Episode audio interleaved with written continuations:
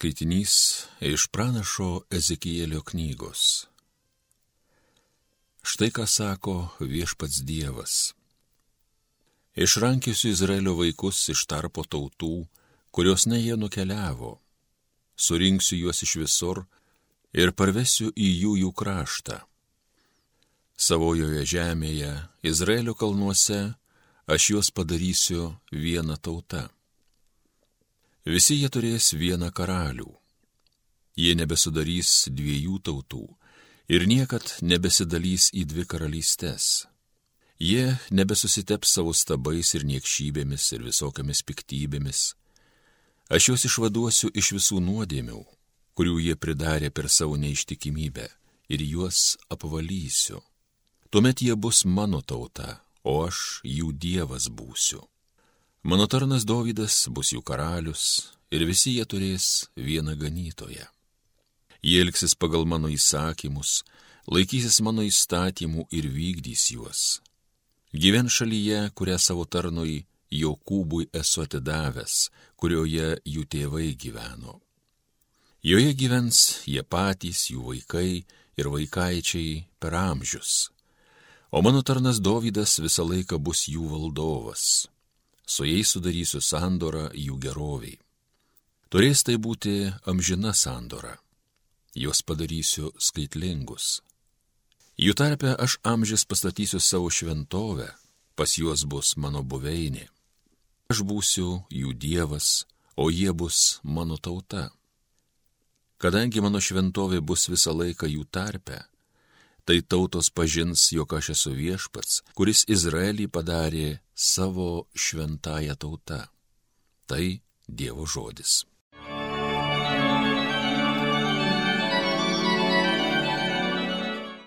Viešpats mus gano, tartum piemuo savo bandą.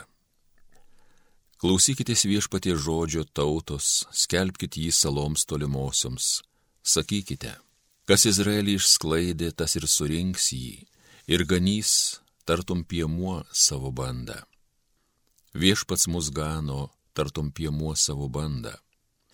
Viešpats išgelbės Jokūbą, vaduos iš stipresniojo rankos. Ateis jie ir džiūgaus Jono kalne, plauks prie viešpaties gerybių. Viešpats mus gano, tartum piemuo savo bandą. Šokdamos džiaugsis mergelės, linksminsis jaunuoliai ir seneliai Jų liūdėsi džiaugsmu aš paversiu, juos guosiu ir linksminsiu vargams pasibaigus. Viešpas mus gano, tartum piemuo savo bandą. Šlovėtau Kristau, amžinosios garbės karaliau. Nusimeskite visą savo nuodėmę, sako viešpats, ir susikurkite naują savo širdį ir dvasę.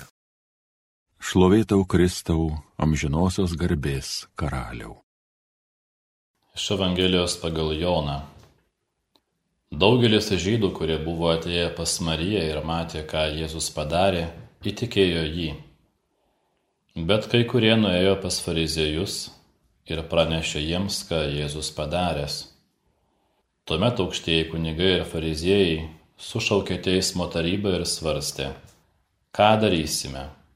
Šitas žmogus daro daug stebuklų Jei taip jį paliksime, visi įtikės jį, ateis romėnai ir sunaikins šventąją vietą bei mūsų tautą. Vienas iš jų, Kajafas, tais metais vyriausias kunigas jiems tarė. Jūs nieko neišmanote ir nepagalvojate, jog mums geriau, kad vienas žmogus mirtų už tautą, o ne visa tauta žūtų. Jis tai pasakė ne iš savęs, bet būdamas tų metų vyriausias kunigas pranašavo, jog Jėzui reikės mirti už tautą ir ne tik už tautą, bet tam, kad suburtų į vienybę išsklaidytusius Dievo vaikus. Nuo tos dienos jie tvirtai buvo pasiryžę jį nužudyti. Todėl Jėzus daugiau nebevaikščiojo viešai tarp žydų, bet pasitraukė iš ten vietovę dykumos pakraštyje, į miestelį vadinamą Efraimu. Ten jis apsistojo kartu su mokiniais. Artinosi žydų Velykos. Daug žmonių iš viso krašto traukė į Jeruzalę norėdami prieš Velykas atlikti atgailą. Jie ieškojo Jėzaus ir stoviniuodami šventykloje kalbėjosi, kaip jūs manote, nejaugi jis nebeateis į iškilmes.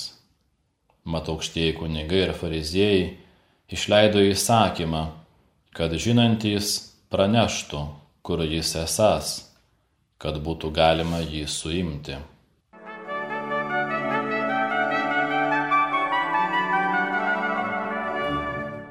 Jūs nieko neišmanote ir nepagalvojate, jog jums geriau, kad vienas žmogus mirtų už tautą, o ne visa tauta žūtų.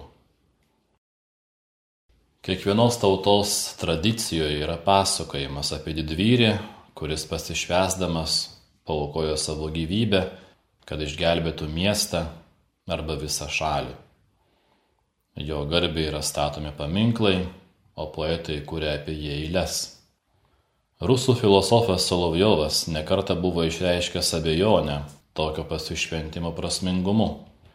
Jo nuomonė, jei žmogaus asmuo turi besąlygišką vertę, jo negalima paukoti ar pašvesti vardan kažko, jis negali tapti priemonė vardan kitų laimės. Paukoti vieną vardan kitų galima gyvūnijos pasaulyje siekiant išsaugoti rūšį. Jo labiau, kad tokie didvyriški žmonių pasiaukojimai atrodo neįtin veiksmingi visumos kontekste. Tam, kad išliktų tautos, nuolat reikalauja tokių pasišventimų. Tačiau dėl to filosofo nuomonė jos netampa geresnės. Ar galima pritarti tokiai abejoniai? Solovjovas pats pateikia atsakymą. Jo manimu, pasaulietinė moralė negali išspręsti šios problemos. Tik Kristus gali atskleisti tikrą pasišventimo prasme. Jis taip pat numirė už tautą, tačiau prisikėlė ir įžengė į šlovę. Žmogaus pasišventimas vardan kitų žmonių yra neabejotinai kilnus veiksmas.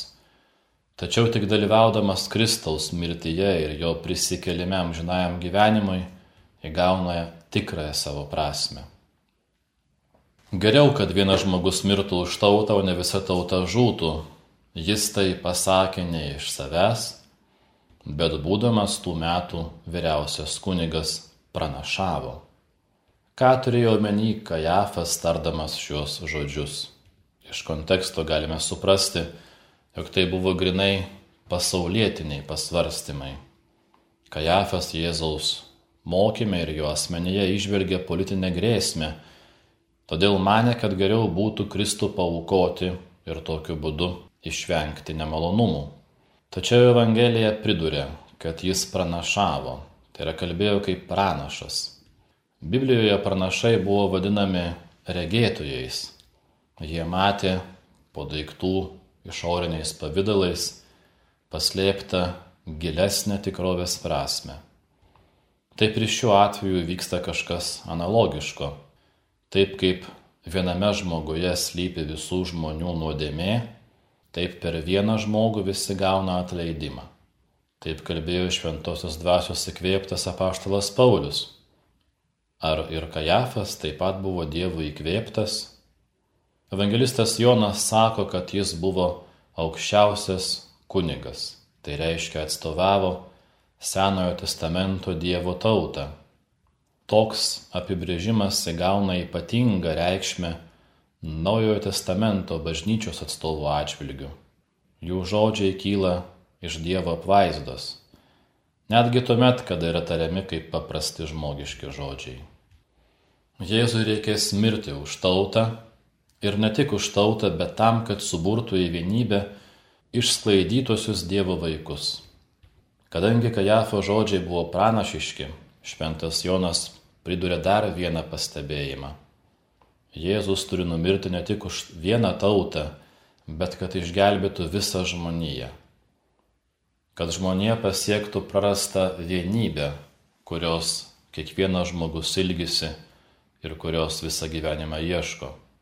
Šis ilgesys simboliškai yra išreikštas pradžios knygos pasakojime apie Babelio bokštą Vienuoliktas šios knygos skyrius užbaigia dešimt skyrių apie žmonijos prieš istoriją, apie rojaus praradimą, apie vienybės praradimą ir apie desperatišką mėginimą ją atrasti, kuris pasibaigia tragišku pakrikimu.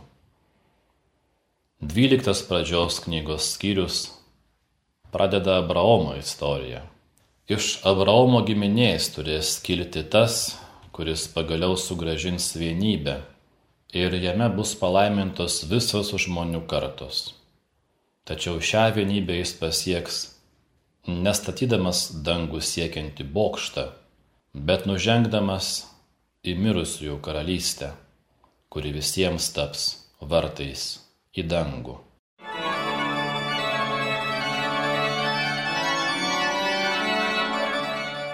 Homilija sakė kunigas Vladimir Solovėjai.